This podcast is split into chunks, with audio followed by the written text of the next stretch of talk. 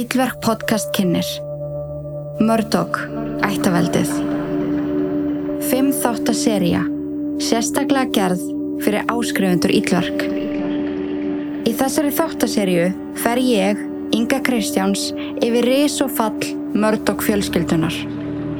Fjölskylda sem að réði ríkjum í South Carolina í heila öld. Við förum yfir upphaf Murdoch lagfræði veldisins. Ríkidæmi, dulafull morðmál, sveig og ein merkilegustu réttahöld aldarinnar. Skelltur í áskriftina og hlustaðu á þessa áhugaverðu þáttaserju. Þú skráði í áskriftina inn á illverk.is og fær aðgang að seríunni strax. Ásend því að fá aðgang að yfir 200 auka þáttum sem hafa komið út í áskriftinni. Gerðu vel við þig og skelltu illverk áskriftinni á fónin. illverk.is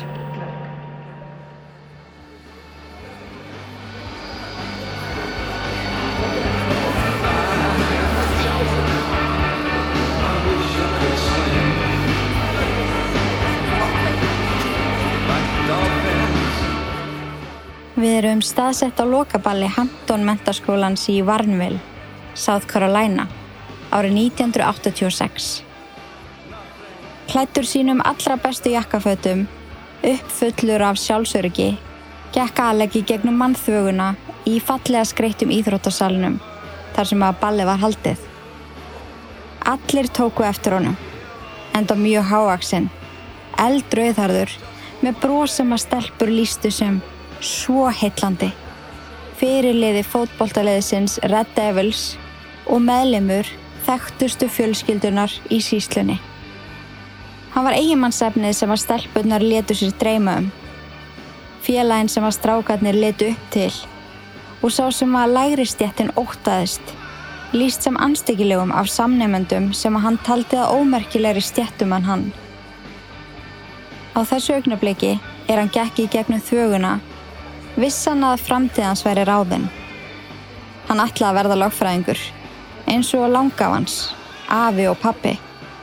Kennarar hans og skólastjóri Hampton mentaskólans vissu það líka, en fyrir í vekunni höfðu Alec og bestu vinir hans Corey Fleming og Chris Wilson verið kallaður inn til skólastjóra fyrir að sigla árabát yfir tjörnina á skólalóðinni með tónlist í botni og áfengi við hönd. Nokkus konar Þetta er síðasta vikan okkar. Við hljótum að mega bróta þess af okkur, gjörningur, sem að þeir áttu aldrei eftir að gleima. En eins og skólastjórin Mr. Concord segir orðrétt. Þeir vissu vel að þetta mátti ekki, en Alec náði á nokkru mínútum að sannfæra mig um að refsa þeim ekki. Á þessu augnabliki vissi ég að hann yrði lögfræðingur. Góður og sannfærandi lögfræðingur. Úrskurður lág fyrir Alec en hann var tilbúin að gera hvað sem er til að breyta úrskurðunum. Alec var kosin bjartasta vonin, mesti humoristinn og efnilegasti íþróttamadurinn á þessu lokaballi árið 1986. Mikilvægastu kostninganeðustöður voru þó eftir. Allir byggðu spendir og þeir sem að tilnæmdir voru báðu í hljóði.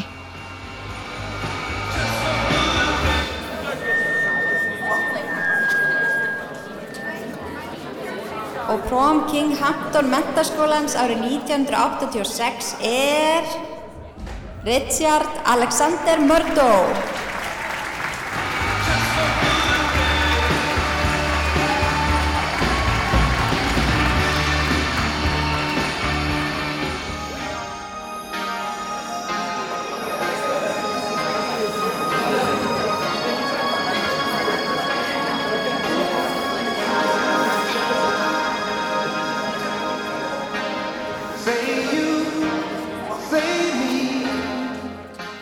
Dansgólfið var rýmt fyrir nýkringdan prom king sem að leti nýkringda prom queen niður að sviðinu og út á mitt gólfið. Þar vönguðu þau veitt eftirlætis lag Alec. Say You, Say Me, flutt af Lionel Richie.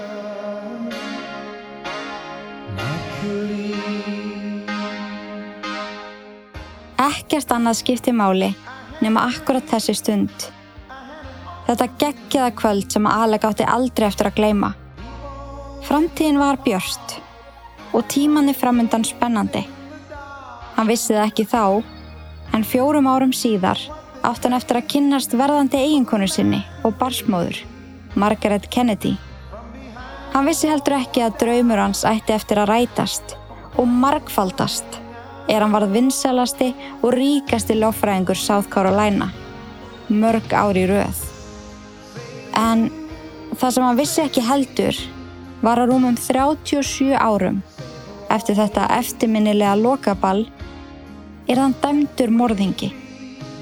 Hann vissi heldur ekki að gjörður hans eruðu ástæða þess að virðing og völd mörd og napsins hurfu á auga bræði.